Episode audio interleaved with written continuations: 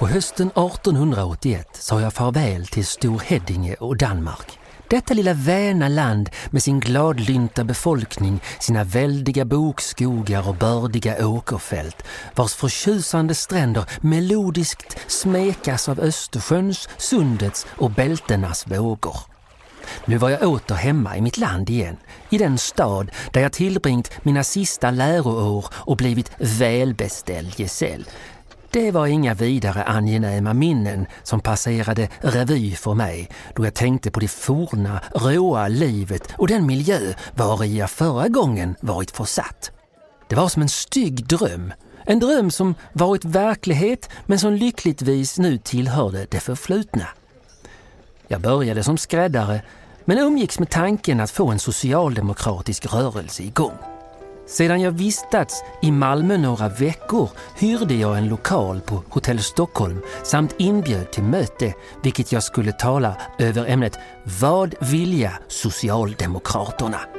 Det var den 6 november 1881. Lokalen var fullsatt av en intresserad publik övervägande ur borgarklassen såsom hantverksmästare, fabrikörer, lärare och tidningsmän. Endast ett fåtal vore yrkesarbetare. Det här är berättelsen om August Palm, skräddaren och agitatorn som tog socialismen till Sverige och satte arbetarklassen i rörelse.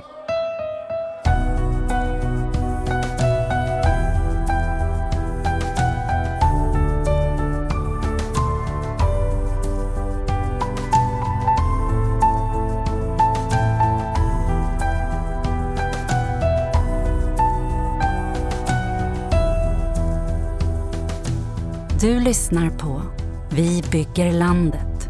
En podcast om arbetarrörelsens historia med Kent Werne. Podden produceras av Stray Dog Studios på uppdrag av LO och i samarbete med arbetarrörelsens arkiv och bibliotek. Den 6 november 1881 på Hotell Stockholm i Malmö höll en liten halt skräddare ett föredrag om vad Socialdemokraterna ville. Hans namn var August Palm. Det var det första socialistiska talet i Sverige. Men det följdes snart av fler. Under de kommande åren höll August Palm flera hundra tal Tiotusentals arbetare lyssnade på budskapet och många av dem anslöt sig till den socialistiska arbetarrörelsen och det socialdemokratiska parti som August Palm var med och grundade. Han var den store agitatorn, men också tidningsmakaren och bråkmakaren som inte bara kom på kant med överheten utan också med många partivänner. Det går en liten man genom öknen. Han talar högt om ett förlovat land. Fast brackorna från pamp till herrskapsfröken. Ser sig kring och allt de ser är sant det här är vissångaren och föreläsaren Christian Svensson som på sin senaste platta Mäster Palm gör musik och lyrik av August Palms liv och gärning. En gärning som enligt Christian Svensson knappast kan överskattas. Det var Palm som gav socialismen ett ansikte i Sverige och som planterade fröet till demokratin, menar han. Socialism och grejer hade ju varit rätt diffusa begrepp, verkar det som i Sverige innan honom. Men i och med att han på väldigt kort tid blir en så uppmärksammad offentlig person så snabbt så får socialismen ett ansikte. Ja, okej, okay, det är det där som han snackade om, just det. Så att om han blev populär eller åtminstone omtalad så blev ju också socialdemokratin populär, eller åtminstone omtalad. Men det är ju då vad gäller arbetarrörelsen. Han är ju faktiskt större än så. Han är ju den första att ute i offentligheten i alla fall, agitera för allmän och lika rösträtt. Så att han är ju på sätt och vis hela den moderna demokratins pionjär också i Sverige. Vi ska snart följa med August Palm på agitationsturné och syna skräddarens gärning i sömmarna. Men först ska vi ta en närmare titt på människan August Palm. Vem var han egentligen och hur kom det sig att han blev socialdemokrat? August Theodor Palm föddes den 5 februari 1849 i byn Fårabäck på den skånska landsbygden, någon mil utanför Malmö. Hans far hade varit skräddare men sadlat om till skollärare och familjen bodde i skolbyggnaden. I sina memoarer berättar han att föräldrarna ofta tog honom på bar gärning när han från katedern i den tomma skolsalen predikade för hjärtans lust. Och kanske hade han blivit präst om inte hans liv hade vänts upp och ner när han var tio år gammal. Då dog nämligen hans far och plötsligt stod familjen på gatan. Och medan hans mor och yngre syskon hamnade på fattighuset så aktionerades August bort och sattes i lära hos en frireligiös skräddare i Malmö. Och det blev en svår tid, berättar Christian Svensson. Alltså han är ju rätt tydlig med i sina memoarer att, han, eh, att det, alltså det är tufft. Och det framstår som att det är både fysiskt och psykisk misshandel det handlar om. Alltså att det är så han upplever det åtminstone. Och att intentionen från skräddarens sida är att han ska bli en god kristen. Och det verkar han ju misslyckas kapitalt med. Eh, Palm blir ju närmast vaccinerad mot allt vad religiositet och kristendom hette efter detta. Och även om han liksom kommer att nyansera sin bild lite senare, särskilt när han träffade sin hustru som också var religiös, så verkar det här ha satt väldigt djupa spår. Att liksom, han han satte, verkar, verkar sätta likhetstecken mellan liksom religiositet och den här tyrannen som han hade då upplevt att han hade bott hos. Nej, det kanske inte var så konstigt att han sen föraktade alla frimicklare som han beskriver dem, alltså de frireligiösa. Men gubben lyckades i alla fall inte kuva honom och när August var 14 år bröt han sig fri och hankade sig sedan fram som lärling på annat håll under några år. Bland annat på en stor verkstad i Malmö. Och till slut stod han där med gesällbrevet i fickan. Pank, men fågelfri. Allt vad man under de gångna åren fått utstå av hundsfotering och förtryck var nu överståndet, skriver han i sina memoarer. Och vad gjorde han då? Stannade i Skåne? Nej, August ville bort från Sverige, ut i världen och tog båten över sundet till Danmark och Tyskland där han flackade runt i några år utan ro eller lust att stanna länge någonstädes, som han skriver. Till slut landade han i Hederslev som då låg i norra Tyskland. Och det var där han förälskade sig i Johanna, en småländska som också hade sökt sig utomlands och som snart blev hans fru. Det var också där, i Hederslev, som August förälskade sig i socialismen. Det August Palm mötte ute i Europa var en ny värld. Med ångmaskinen som motor hade industrikapitalismen luckrat upp bondesamhället och drivit fram två klasser. Dels borgarklassen, eller bourgeoisien som den kallades. Alltså kapitalisterna som ägde fabrikerna, handelshusen och bankerna. Och dels arbetarklassen, eller proletariatet, alltså de som jobbade i fabrikerna och fick lön för mödan. Nu var i och för sig mödan stor och lönen försvinnande liten. Så fabriksarbetarna levde ofta i misär, i trånga kaserner och skitiga kåkstäder som påminner om sånt man numera hittar i fattiga länder. Samtidigt hade borgarklassen knuffat undan kungar och adelsmän och tagit ett grepp om staten. På flera håll var bourgeoisien nu den härskande klassen, även politiskt. Arbetarklassen var däremot maktlös, både på jobbet och i politiken. Men var den här ordningen verkligen given? Ja, i alla fall om du frågade de konservativa. För de var klassamhället hugget i sten. Folket skulle lyda sina herrar och arbetarna sina arbetsgivare. Och för liberalerna var klasskillnaderna lite av en icke-fråga. Den fria marknaden var frihet nog och den som hade arbetsmoral och var skötsam kunde alltid ta sig uppåt, tänkte man. De rika hade förtjänat sin rikedom och de fattiga sin fattigdom.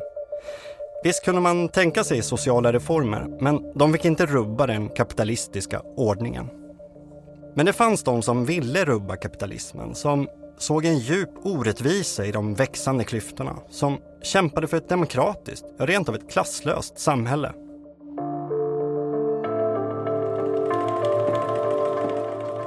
De kallades socialister och kommunister Vissa av dem var utopister och drömde om perfekta samhällen där människorna levde som jämlikar. Samhällen där den privata egendomsrätten var avskaffad och allt styrdes gemensamt. Andra, som Karl Marx och Friedrich Engels, delade utopisternas drömmar men ansåg att det behövdes mer än en bra idé för att förändra samhället. Det krävdes organisering, klasskamp och revolution. Och revolutionen, den skulle komma förr eller senare, menade de. För det fanns en inneboende motsättning i kapitalismen mellan arbete och kapital. Och kapitalisternas utsugning av arbetskraften kunde inte fortsätta i evigheter. För snart skulle arbetarna förstå sitt rätta värde, kämpa för sin frigörelse och i samma veva befria mänskligheten. Kort sagt, kapitalismen kunde förändras och vältas över ända och lämna plats för socialismen. Och de utblottade fabriksarbetarna, de hade en historisk uppgift framför sig. Att organisera sig och förändra världen. Eller som Marx och Engels skrev i kommunistiska manifestet som kom ut 1848. Proletärer i alla länder, förenen eder. Och visst förenade de sig. 1864 bildade engelska, tyska, franska, belgiska och schweiziska arbetare den första internationalen. Och det dröjde inte länge innan idéerna testades i praktiken. Våren 1871, mitt under ett krig mellan Frankrike och Tyskland, tog revolutionärerna makten i Paris och utropade kommunen. Den var ett vågat demokratiskt experiment. Men det slog snart ner av reaktionen och tusentals kommunanhängare arkebuserades. Men det var just 1871, i efterdyningarna av Pariskommunen, som den då 22-årige August Palm fick upp ögonen för socialismen. Inte genom att läsa någon bok utan genom att lyssna på en politisk debatt i Hederslev, berättar Christian Svensson. Han refererar själv i sin eh, självbiografi till en, eh, någon eh, icke namngiven cigarrarbetare, om det är från Hamburg, som sopar mattan med, helt oväntat med något riksråd från, som representerar Schleswig-Holstein, alltså ett riktigt sånt högdjur då. Och som väl då antagligen har kommit in med helt fel förutsatser föresatser att ja, den här knegaren kommer jag ju och inte ha några problem med. Men så blir han i själva verket utskrattad. Sådär. Och att det gör jättedjupt intryck på Palm. Att liksom vanligt folk som han själv kan sätta dit eh, överheten. Vilket ju skulle bli ett signum för honom själv. Att det är verkligen ett ideal för honom så att vara folktalare och inte bara någon intellektuell beläst som kan skriva tjusigt så, utan man måste verkligen kunna vara ute och möta folk eh, öga mot öga. Och det är ju en annan då som väl kanske är den som verkar ha satt allra djupast spår just nere i Tyskland. Där. Det, det är ju då eh, Ferdinand Lassalle, eh, den tyske socialdemokratiske ledaren, som ju just var utöver intellektuell och sådär och skrivande så var han ju just en som tog varje tillfälle och var ute bland folk. Ja, August Palm lyssnade på socialistiska agitatorer och på Ferdinand Lassalle LaSalle propagerade för statsunderstödda producentföreningar och såg allmän och lika rösträtt som vägen mot socialismen. Och det var uppenbarligen något som attraherade Palm. Han döpte rent av sin förstfödde son till LaSalle. Palm fångade också upp Karl Marx teorier, särskilt det här med kapitalisternas utsugning av arbetarna. Och han förstod betydelsen av facklig organisering och klasskamp. Men Samtidigt verkar inte socialismen ha varit något avancerat teoribygge för August Palm, åtminstone inte i början. Utan mer av en sekulär religion som alla betryckta måste samla sig kring för att finna sin frigörelse, som han själv beskriver det. Ja, han blev närmast frälst och efter mötet med den där cigarrarbetaren från Hamburg bildade han och några kamrater en socialdemokratisk klubb i Hederslev han blev också medlem i det tyska socialdemokratiska arbetarpartiet och började snart själv agitera och lära ut det han hade lärt sig. Men det var inte riskfritt att vara socialdemokrat i Tyskland. 1878 infördes den beryktade socialistlagen som i princip förbjöd all agitation. Men även innan det slog myndigheterna ner på Socialdemokraterna och på Palm. Och 1877 blev han helt sonika utvisad från Tyskland då han enligt myndigheterna hade varit till besvär. Han fick 24 timmar på sig att lämna landet och den 27 februari gav han sig av till Danmark där han och familjen till slut slog sig ner i Store Heddinge. Men han övergav inte politiken. Nej, han startade en socialdemokratisk förening i Store Heddinge, agiterade och skrev. Men motarbetades också här. Palm fick utstå spott och spe och blev rent av överfallen och fick skallen halvt krossad en kväll. Och när han i samma veva fick avslag på sin ansökan om danskt medborgarskap så började han fundera på att efter 12 år i exil återvända till sitt hemland, Sverige. Och då är vi tillbaka där vi började, på hösten 1881 då August Palm och hans familj lämnar Storeheddinge i Danmark och reser över sundet till Malmö. Vad är då Sverige på den här tiden? Vad är det för land som Palm kommer till? Ja, jag tänker att han själv kommer ju till Sverige med nya ögon på något sätt och en ny bild av saker och ting. Det han kommer till är ju ett extremt konservativt land, alltså även med den tidens mått mätt. Sverige är vid den här tiden och faktiskt en bit in på 1900-talet det minst demokratiska landet i hela Västeuropa. Alltså ingen annanstans i Västeuropa har vanligt folk så lite att säga till om som i Sverige. Vare sig vi pratar män eller kvinnor. Alltså kvinnor hade ju ofta ytterligare lite mindre att säga till om. Eh, om de var gifta så blev de automatiskt av med den eventuella rösträtt som de hade kunnat ha. Men även de flesta män hade ju inte råd att ha röst. Eh, eftersom systemet var konstruerat så att det var de, ju mer pengar man hade desto mer inflytande skulle man ha. Så en, alltså medveten meritokrati på något sätt att ja, företagare som visat att de kunde ta hand om ett företag, de kan också få vara med och ta hand om landet och resten ska hålla sig på mattan ungefär. Och i praktiken innebär ju detta då en plutokrati, alltså penningvälde eller oligarki. Det är ju ett fåvälde liksom. Pengarna som styr. Ja, de flesta svenskar saknade rösträtt. Dessutom var många extremt fattiga och skyddslösa. Men även Sverige höll på att stöpas om och en ny arbetarklass hade växt fram. Den hade rent av börjat röra på sig och strejka. Två år tidigare, 1879, hade den stora Sundsvallsstrejken ruskat om etablissemanget och varslat om vad som väntade. Men arbetarklassen saknade än så länge både parti och ideologi. Men just det tänkte August Palm ändra på. Han ville dra igång en socialdemokratisk arbetarrörelse. Samtidigt hade ryktet om socialismen hunnit före honom. Men han misstänkte att det var ett vanrykte, en slags nidbild. Därför måste han börja med att reda ut några missuppfattningar. Och det var just vad han försökte göra i det där första talet på Hotell Stockholm i Malmö på Gustav Adolfsdagen den 6 november 1881. Mina herrar, här är väl ingen här närvarande som inte mera eller mindre har hört Socialdemokraterna omtala och så har väl de ärade närvarande också hört uttalelser om vad det är att Socialdemokraterna vill. Vad Socialdemokraterna vill, vill jag göra eder bekant med, då jag är överbevist om att de flesta av eder som här är närvarande endast har hört vad Socialdemokraterna vill av motståndarnas berättelser.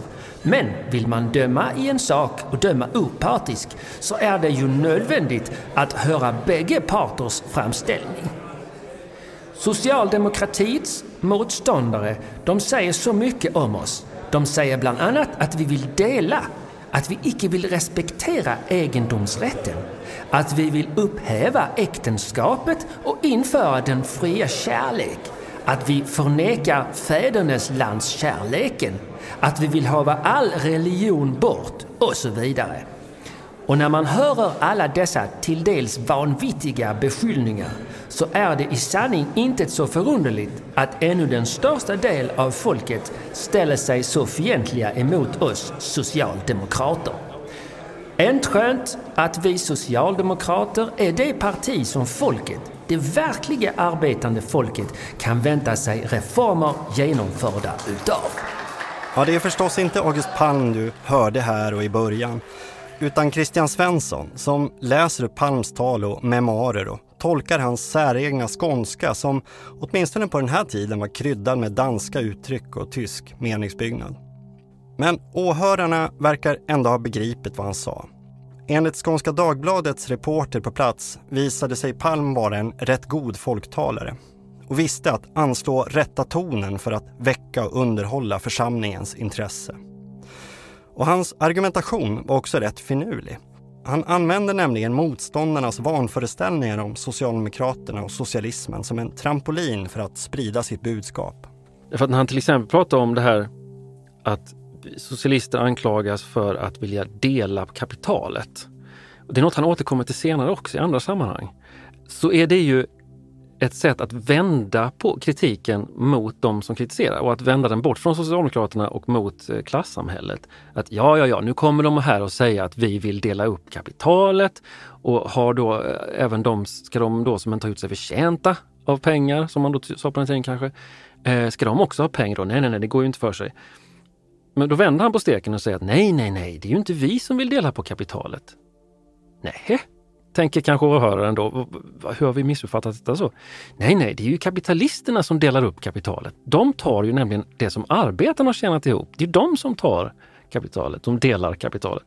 Likadant med påståendena att socialister ville upphäva äktenskapet och att man var gudsförnekare och fosterlandsfiender. Nej, nej, säger Palm. Vi vill bara att äktenskapet ska baseras på ömsesidig kärlek och inte på tvång. Att religionen ska vara en privatsak och kyrkan skiljas från staten och att arbetare inte ska kriga mot varandra. Det första talet följdes av fler, där han förklarade hur socialismen kunde revolutionera Sverige. Och publiken växte. Den 26 november talade han inför 800 Malmöbor om arbetarnas ställning och hur det densamma kan förbättras. Men samtidigt som arbetarna blev allt mer intresserade så förändrades de borgerliga tidningarnas ton. Referaten blev mer hånfulla och fylldes av de där missuppfattningarna som Palm hade försökt bemöta. Och så gick man till personangrepp skrev att Palm var en galen skräddare som var ute efter att förleda arbetarna. Och Skånska Dagbladet hoppades att en samhällsdoktrin som går ut på att bereda den flitige och den late, den nyktre och den supige, den intelligente och den okunnige samma ställning i livet ej måtte dåra någon. Men även dålig publicitet är ju bättre än ingen alls. Och skriverierna verkar ha lockat fler till Palms möten. Och det var inte bara Malmöpressen som skrev om honom, utan tidningar över hela landet. Och inom kort vore både jag och socialismen kända över hela Sverige, om också icke väl kända, skriver han i memoarerna. Strax innan jul reste Palm till Stockholm. Planen var att hålla tal, men det blev svårt att få tag på en lokal. Ingen ville upplåta plats åt socialisten. Till slut annonserade han ett möte utomhus i Liljanskogen och på annandag jul 1881 talade han inför fler än tusen stockholmare. En av dem var faktiskt statsministern Arvid Posse, en konservativ stöt som antagligen rynkade på näsan när Palm förklarade att kapitalisterna skinnade arbetarna och stoppade överskottet i egen ficka. Varför de ofta behövde genomgå en brunnskur på sommaren för att få bort den överflödiga fettman, som han uttryckte det. Och Posse lär nog inte heller ha instämt i Palms uppmaning till arbetarna att bilda ett socialistiskt förbund och kräva allmän och lika rösträtt, eller i målet att förstatliga produktionsmedlen. Men de flesta tycks ändå ha gillat vad de hörde. Enligt en tidning möttes Palms tal av bifallssorl från hopen. Och Palm själv var nöjd. Och i rask takt höll han fler tal. I Stockholm, i Uppsala och sen i Göteborg innan han återvände hem. Och i februari 1882 stod agitatorn uppflugen i ett päronträd i Malmö framför en stor folkmassa och gick till storms mot de liberala tidningarna som hade baktalat honom. Men nu skulle de få svar på tal. För Palm var redo för nästa steg. Han skulle starta en socialistisk tidning. Han döpte den till Folkviljan och första numret kom ut i mars 1882. Borgarpressen gav den snart öknamn som Palmviljan och Illviljan, men många arbetare verkade i alla fall ha läst den. Men Palms skrivna svenska var inget vidare. Han hade trots allt slutat skolan som tioåring och hade ingen annan utbildning än den han fått som skräddarlärling. Han behövde hjälp med att styra upp texterna och det kostade pengar. Dessutom var det svårt och dyrt att få tidningen tryckt och distribuerad. Och intäkterna från försäljningen räckte inte på långa vägar för att täcka kostnaderna. Han fick ta mycket ur egen ficka, vilket gjorde att han och hustrun Johanna snart var fattiga som kyrkråttor. Och med fem barn att försörja gick det inte att leva på luft hur länge som helst. Tidningen blev inte så långlivad. Redan efter ett år, i början av 1883, lades den i princip ner och kom sen bara ut sporadiskt med något nummer då och då. Och nu började även August Palm, som egentligen var en obotlig optimist, att misströsta. Han hade nått botten och funderade på att ge upp. Över ett och ett halvt år av mitt liv hade offrats, under vilken tid det mest intensiva arbete hade bedrivits. Jag var ekonomiskt ruinerad, utskrattades, förhånades och föraktades och många av dem som jag trott vara mina vänner drogo sig nu för mig. En del ryckte medlidsamt på axlarna då de såg mig, men de flesta sökte undvika mig. Jag hade spelat ett högt spel. Insatsen hade varit allt och nu hade jag förlorat. Dessa vore de reflektioner som trängde sig på mig. Och jag måste erkänna att det var för mig icke fanns några förmildrande omständigheter då jag tänkte på allt elände jag bragt över min stackars hustru och barn. Jag hade varit en dåre. Var det vanvett, envishet och äregirighet eller var det ett inneboende oemotståndligt behov av att kämpa för idéerna som drivit mig ut i denna strid i vilken jag nu dragit det kortaste strået? Då jag började min agitation hade jag icke haft den avlägsnaste tanke på att jag skulle bli så framskjuten och så förhånad. Och några äregirighetsdrömmar hade jag aldrig varit anfäktad av. Galen var jag inte. Följaktligen var det bestämt envishet parad med kärlek till idéerna som varit drivfjädrarna till mina handlingar. Ja, så resonerade jag och på grundval därav fattade jag mitt beslut. Ruinerad var jag, men det kunde upprepareras och nu gällde det att ta ett tag till. Ett riktigt nappatag. Misslyckades även det skulle det bliva slut. Jag fattar alltid mina beslut raskt och det är nog det bästa.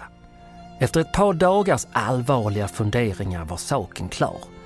Innan jag gav fullständigt tappt skulle jag försöka en agitationsfärd över hela landet.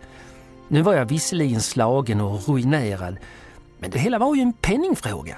Alltså, friskt mod. Sverige är stort, arbetarklassen måste kunna väckas även här och pengar, ah, de kunde stampas fram ur jorden.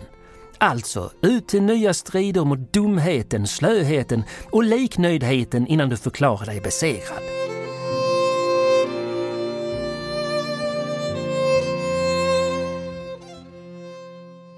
Ja, nu fick det bära eller brista, tänkte Palm. Och i början av april 1883 gav han sig iväg. Under fem månader for han kors och tvärs genom södra och mellersta Sverige, besökte minst 150 orter och höll i snitt fem tal i veckan inför hundratals, ja ibland tusentals åhörare. Vart han än kom hade ryktet hunnit före och det var sällan svårt att samla folk. Socialisten Palm var en kändis och många ville se honom uppträda. Däremot var det inte lätt att hitta arenor att tala på. Det rådde visserligen mötesfrihet i Sverige, men den lokala överheten gjorde ändå sitt bästa för att sätta käppar i hjulet. De förbjöd honom att tala och hotade med spö eller fängelse.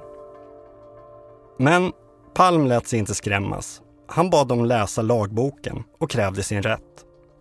I sina memoarer berättar han om många duster med dumdryga borgmästare, bondpatroner, kronofogdar, länsmän och deras fjärningsmän, vilkas uppträdande ofta överskred laglighetens gränser. Men han lyckades också vända det till sin fördel. Han drev nämligen friskt med överheten, berättar Christian Svensson. Vilket ju är lite grann av så karnevalistisk folklig tradition. Att sätta dit överhetspersoner och när han är ute i bygden runt om, sådär, i nya bygder som han inte själv känner till, då, då snappar han ju snabbt upp. Vad heter liksom småpåven här i trakten? Och vad finns det för skandal man kan ta upp om den då?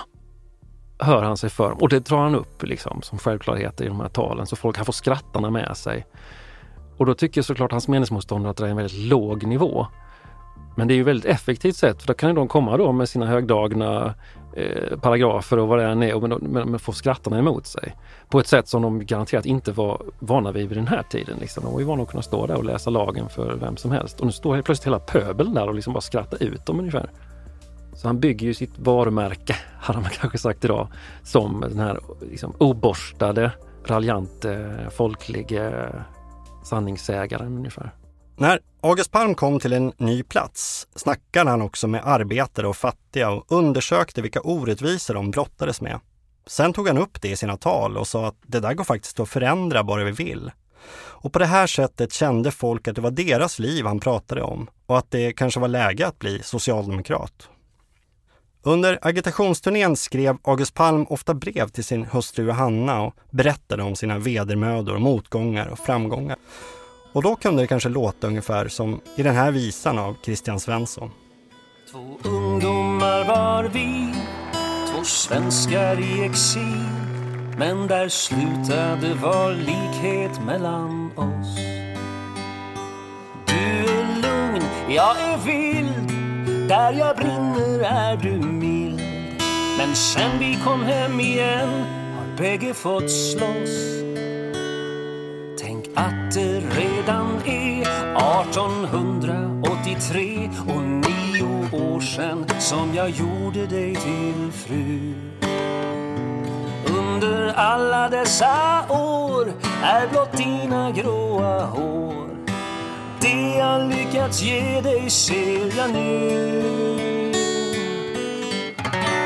Men Johanna, om du såg hur mina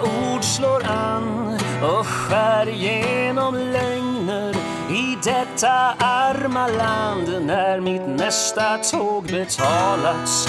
Jag skickar allt jag kan. Det svär jag på den framtid som skymtar fram ibland bland lyssnarna längst fram.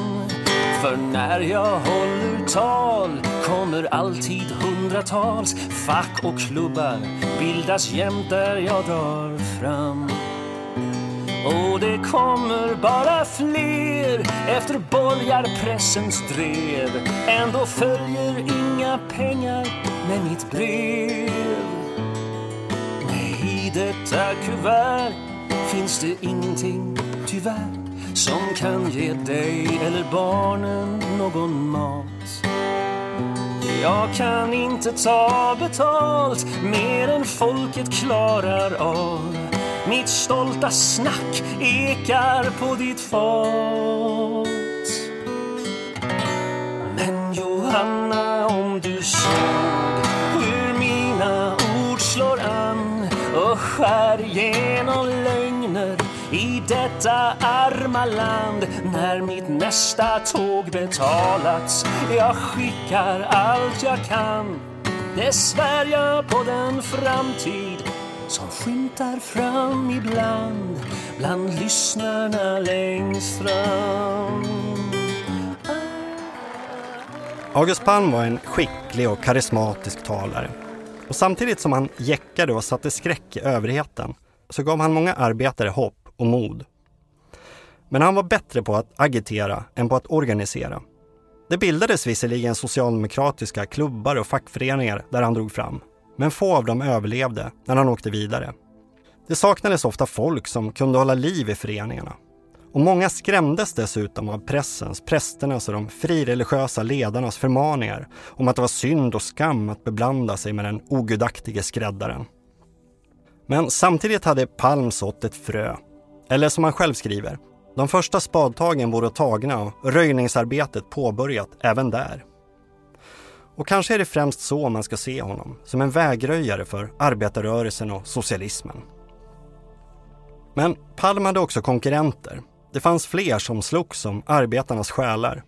Inte bara statskyrkliga präster som försökte göra gudfruktigt folk av dem och frireligiösa grupper och nykterhetsloger som ville frälsa dem och få dem att sluta supa. Utan också liberaler som försökte organisera och forma arbetarna. Och Liberalerna hade en helt annan syn än Palm på hur folk kunde få det bättre. Alltså jag uppfattar dem lite grann som eh, dåtidens svar på Jordan Peterson. Sådär, att det är hjälp till självhjälp väldigt mycket. Städa framför din egen dörr. Bädda din säng, som Jordan Peterson skulle säga. Innan du engagerar dig i samhället så ska du först se till så att du själv har liksom rent mjöl i påsen. Var sparsam, var nykter och hederlig så ska du se att du kan lyfta både dig och din klass kanske då i bästa fall. Det vill säga man skulle inte i första hand eh, förändra samhället utan ändra människorna för att passa samhället lite grann blir det ju snarare då. Och det är ju verkligen precis tvärt hur August Palm ser på saker och ting. Jag skulle säga att det är det kanske mest grundläggande och genomgående hos August Palm är just hur han menar att man liksom inte ska ändra på människorna för att passa samhället, utan samhället måste ändras för att passa människorna.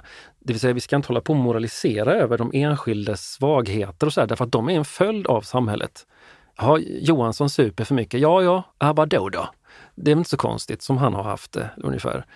Så att det är inte liksom de enskildas svagheter som är problemet i grund och botten, utan det är ju hur samhället är. Och Det är därför han retar ihjäl sig på liberaler såklart. August Palm tog också strid mot de falska arbetarvännerna som han uttryckte det. En av dem var brännvinsfabrikören L.O. Smith som försökte organisera folk i arbetarringar, en slags konsumentföreningar som skulle pressa priserna på livsmedel och hyror och bekämpa alkoholrestriktionerna. Ringrörelsen växte och 1883 stod den på sin topp med omkring 50 000 medlemmar i hela landet. Men rörelsen pyste snart ihop och försvann. Många insåg att L.O. Smith inte hade arbetarnas bästa för ögonen utan mest ville sälja sitt brännvin.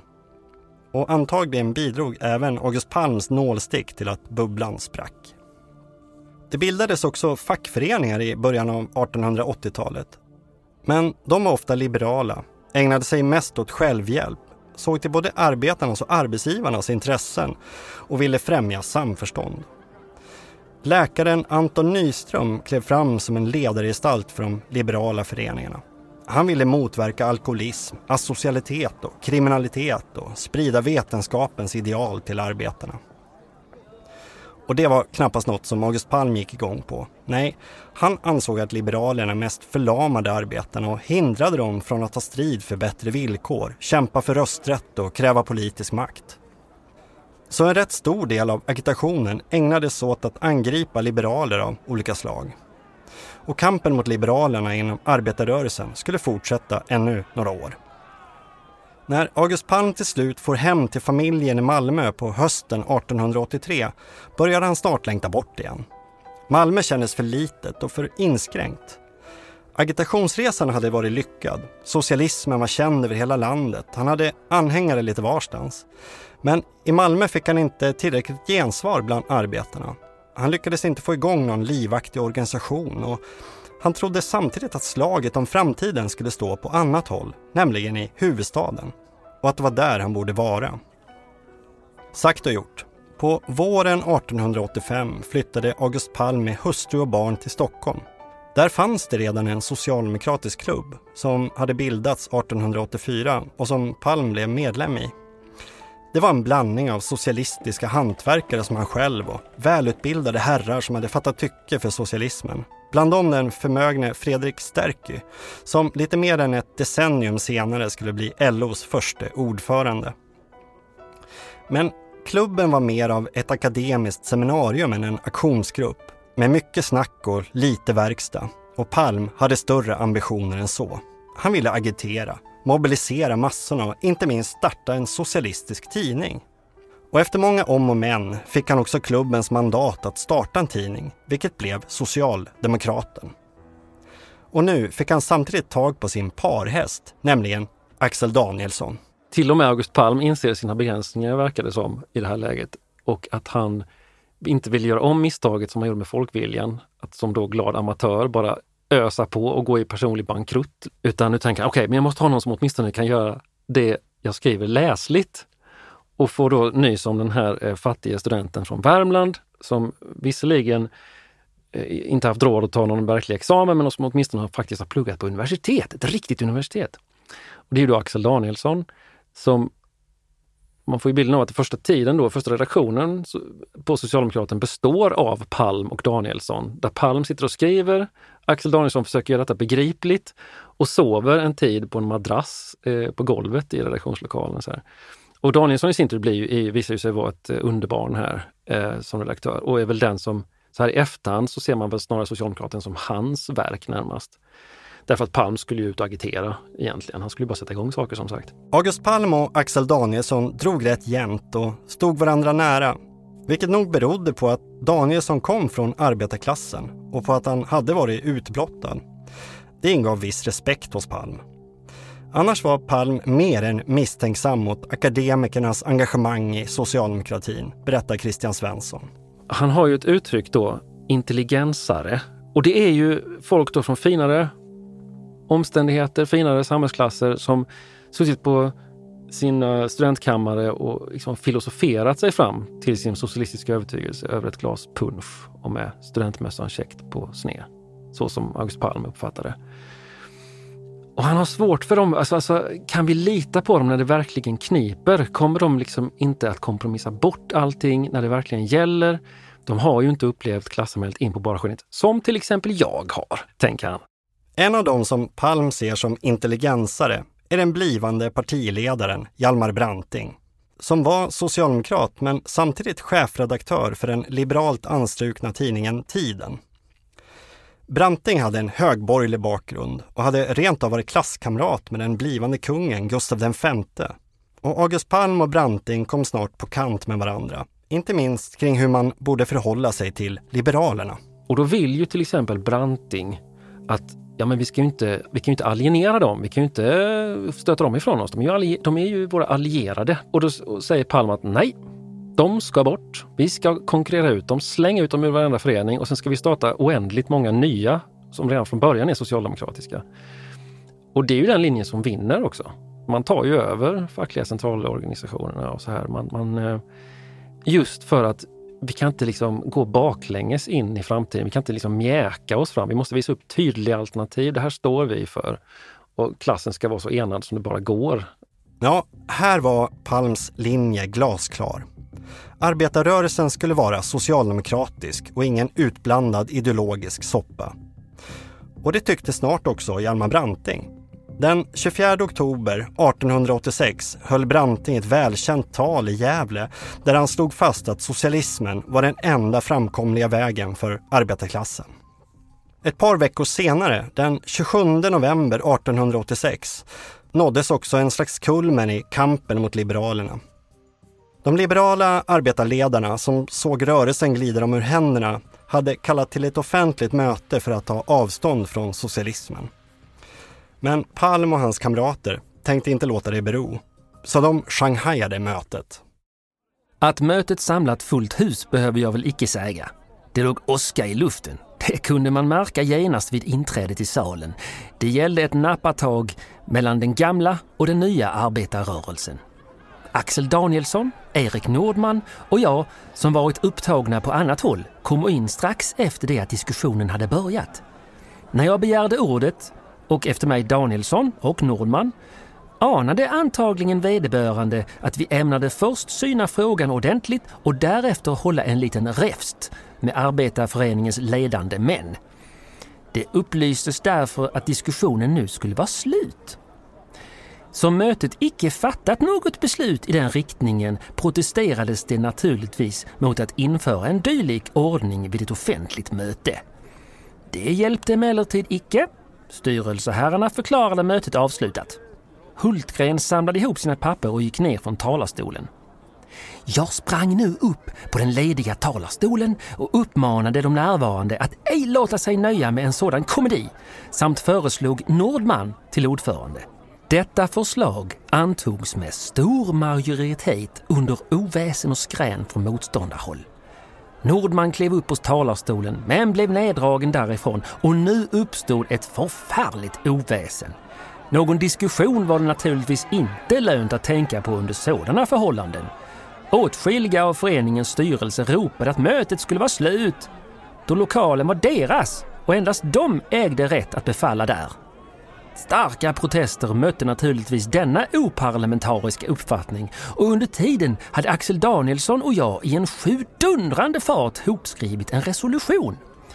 Jag sprang upp på talarstolen och föredrog densamma. Under det mest djävulska larm och spektakel blev den antagen men Under tiden hade ett städat slagsmål börjat nere i salen och jag hade knappt slutat uppläsningen förrän en vaktmästare och några andra rusade upp för att kasta ner mig. Jag grep fast med bägge händerna i talarstolen och lyckades hålla mig fast ända tills förstärkning hann anlända. Den kom snart nog och man slogs och brottades nu runt omkring mig. Min pinciné krossades och jag hade inte väl kommit ner i salen förrän jag erhöll ett käpprapp över ena armen utdelat med sådan kraft att käppen sprang i bitar.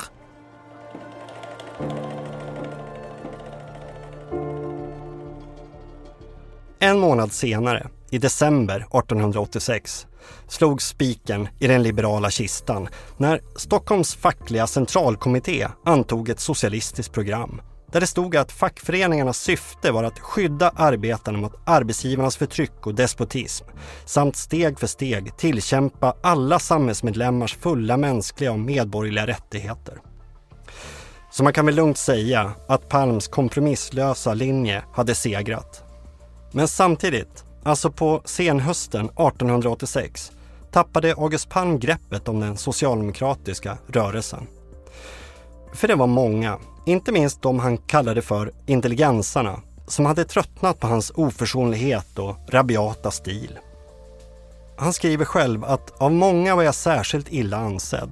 Jag hade stött en del för huvudet, var alltför opolerad och ville aldrig gå med på någon kompromiss. Och det var därför inte underligt att från vissa håll gjordes förslag att jag skulle helt och hållet uteslutas. På våren 1886 ville en grupp med Fredrik Sterky i spetsen och Hjalmar Branting i bakgrunden få bort Palm från Socialdemokraterna och ta över tidningen. När det inte lyckades startade de en egen tidning som fick namnet Nya Samhället, varpå Palm såg till att få dem uteslutna ur Socialdemokratiska föreningen som klubben då hade bytt namn till. Men Palm drog ändå det kortaste strået till slut. För efter några månader av medling förenades falangerna i det nybildade Socialdemokratiska förbundet. Och tidningen Nya Samhället lades ner medan Sterkio och Branting valdes in i redaktionen för Socialdemokraten.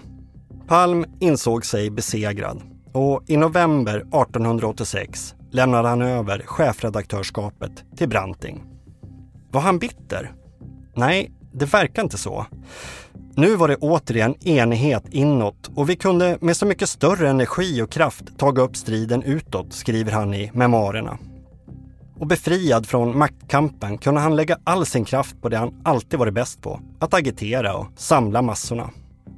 Och så gav han sig ut på en ny agitationsresa. Ja, inte bara en utan flera. Till västkusten, Småland, Östergötland, Dalarna, Norrland. Och nu gick det betydligt bättre även med organiseringen. Överallt började arbetarna vakna upp och på de flesta platser jag besökte togs initiativet till bildandet av såväl socialdemokratiska som fackliga föreningar, skriver han. Men nu mötte Palm och andra agitatorer också mer motstånd och repression. Överheten hade börjat se socialdemokratin som ett verkligt hot, ja som ett farligt gift och man gick in för att krossa rörelsen. August Palm trakasseras, förföljs, åtalas och fängslas. 1886 döms han för smädelse mot riksdagen och 1887 spärras han in på Långholmen i tre månader. Och det var bara början. I snabb takt döms han för ärekränkning, smädelse, olagligt möte och förargelseväckande beteende till sammanlagt sex och en halv månaders fängelse. Och snart får också de andra socialdemokratiska frontfigurerna skaka galler. Axel Danielsson, Hjalmar Branting och en rad andra döms för allt ifrån hädelse och jäckeri till olagligt möte och majestätsbrott. Till sammanlagt fem år och en månads fängelse. Vilket visar att Sverige kanske var en rättsstat, men knappast en rättvis och politiskt neutral rättsstat. Det har kallats för åtalsraseriet, men förföljelserna och angreppen hade inte avsedd effekt. För varken August Palm eller rörelsen knäcktes. Tvärtom enades och stärktes Socialdemokraterna i sin övertygelse. Entusiasmen steg, våra leder ökades och jag vågar bestämt påstå att den stora tillslutningen som vår rörelse erhöll och den uppryckning som överallt ägde rum i väsentlig grad var förorsakad av förföljelserna, skriver Palm i sina memoarer. Och en tydlig illustration på det här, alltså att rörelsen faktiskt stärktes av åtalsraseriet, var det som hände under påsken 1889 då 50 ombud från socialdemokratiska klubbar och föreningar från hela landet samlades till en konstituerande kongress och bildade Sveriges socialdemokratiska arbetarparti.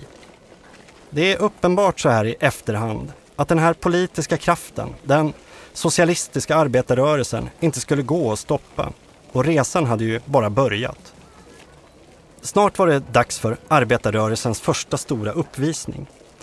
1889 hade den internationella arbetarkongressen i Paris beslutat att första maj hädanefter skulle vara arbetarklassens demonstrationsdag över hela världen. Och 1890 mobiliserade arbetarrörelsen till demonstration i Stockholm under huvudparollen åtta timmars arbetsdag. Det blev en fredlig massdemonstration med 50 000 högtidsklädda arbetare. August Palm, han höll förstås ett blixtrande tal som här tolkas av Christian Svensson. Kortare arbetstid, högre lön, medborgerliga rättigheter. Det är ett utrop som idag går ur miljoner arbetares strupar utöver hela den civiliserade världen. Är det ropet berättigat? Och om det är berättigat, varför har man då slagit dövare till för detsamma? En kortare arbetstid är möjlig medan arbetarna inne i verkstäderna får släpa i 14 timmar eller mera går utanför en blek, utsvulten reservarmé som trots bästa vilja ej kunna finna sysselsättning. Och det 19 århundradet har sådana triumfer att uppvisa inom uppfinningarnas, särskilt maskinteknikens område, att arbetstiden kan nedsättas betydligt. Och om arbetarna idag fordrar en arbetsdag på åtta timmar så kunna de obetingat hålla fast denna fordran och det böra ej vara sådana narrar vilket de maktägande älskar att tro, att de i den punkten låta pruta med sig. Arbetstiden kan förkortas och hindret är endast att söka i den hänsynslösa egoismen hos de maktägande som har lagstiftningen och maktmedlen i sin hand och begagna dem för att neka rättvisa åt dem vilka av dumhet och feghet underlåta att kräva sin fordran. Men förändring måste inträffa.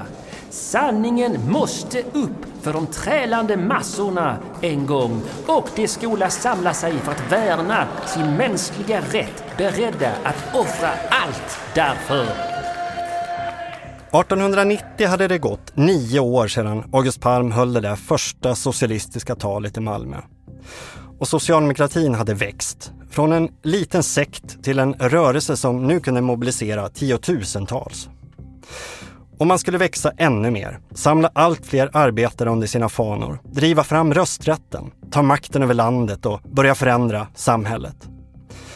Men det är en annan historia. En historia som August Palm visserligen bidrog en del till, men som han inte skulle ha samma avgörande inverkan på. Hans roll i partiet och rörelsen förändrades från början av 1890-talet och fram till hans död 1922 man kan väl säga att den går från att ha varit en ledarroll till att bli en, rollen av en galjonsfigur. I olika omgångar så antingen utesluts han ju från befattningar han har haft, som sagt som till exempel då, redaktör för Socialdemokraterna. I andra omgång, omgångar så är det han själv som tar ett steg tillbaka. Och det finns ju även en, kan jag tycka, att man kan se någon slags överseende och närmast nedlåtande attityd mot honom. Det är någon konferens han är på där han går upp i talarstolen, håller tal och läser lusen av sina kam egna kamrater i vanlig ordning. Och där det bemöts av bland annat Branting som att ja, ja, men det är, inget, det är väl det vi kan förvänta oss av gamle mäster. Lite så här skrockar man då. Att det hör till på något sätt att bli utskälld av Palm. Det är inget man nödvändigtvis tar på allvar längre. Ingen kan ju ta ifrån honom att han är på något sätt den gamle pionjären och vägbrytaren. Men att som maktfaktor är han ju inte något namn riktigt längre på samma sätt. Nej, August Palm är inte längre någon maktfaktor. Han fortsätter visserligen agitera och han ger ut olika tidningar där han kritiserar intelligensarna och går till angrepp mot bland annat militarismen och vad han såg som nykterhetsfanatism. Men med åren trappar han ner sin aktivism och glider allt längre bort från det socialdemokratiska partiet.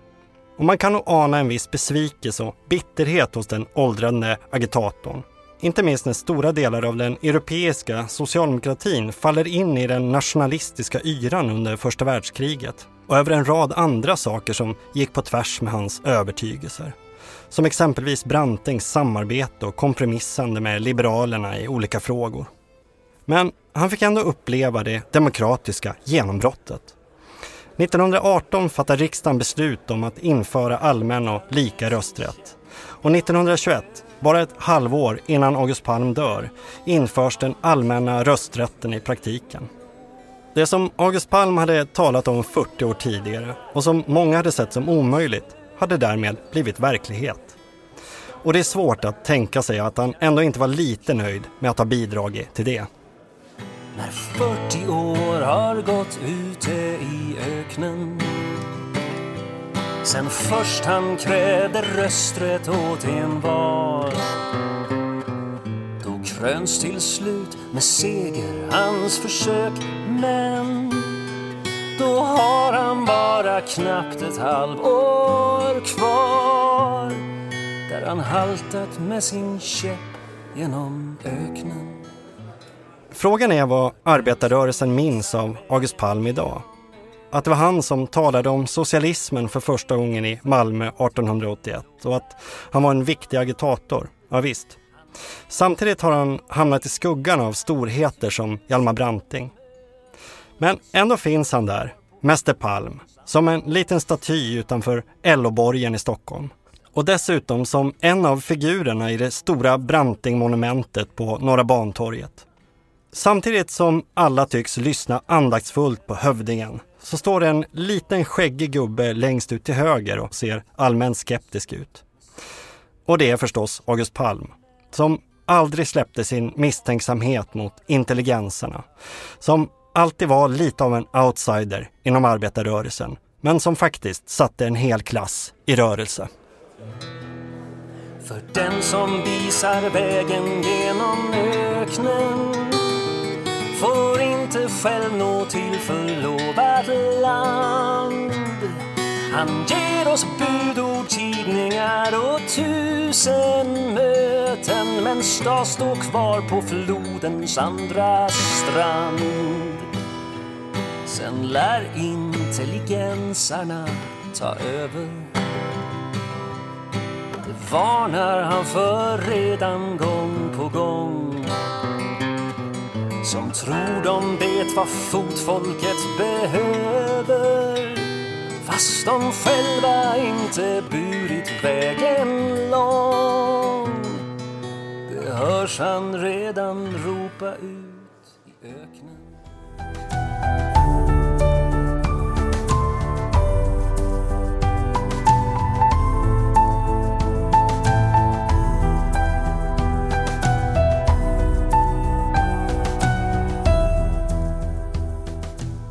Du har lyssnat på Vi bygger landet. En podcast om arbetarrörelsens historia. Research och manus Kent Werne. Inspelat, redigerat, ljudlagt och mixat av Jens Back i Stray Dog Studios. Podden produceras på uppdrag av LO och i samarbete med arbetarrörelsens arkiv och bibliotek. Du hittar fler avsnitt i serien på LOs hemsida eller där poddar finns.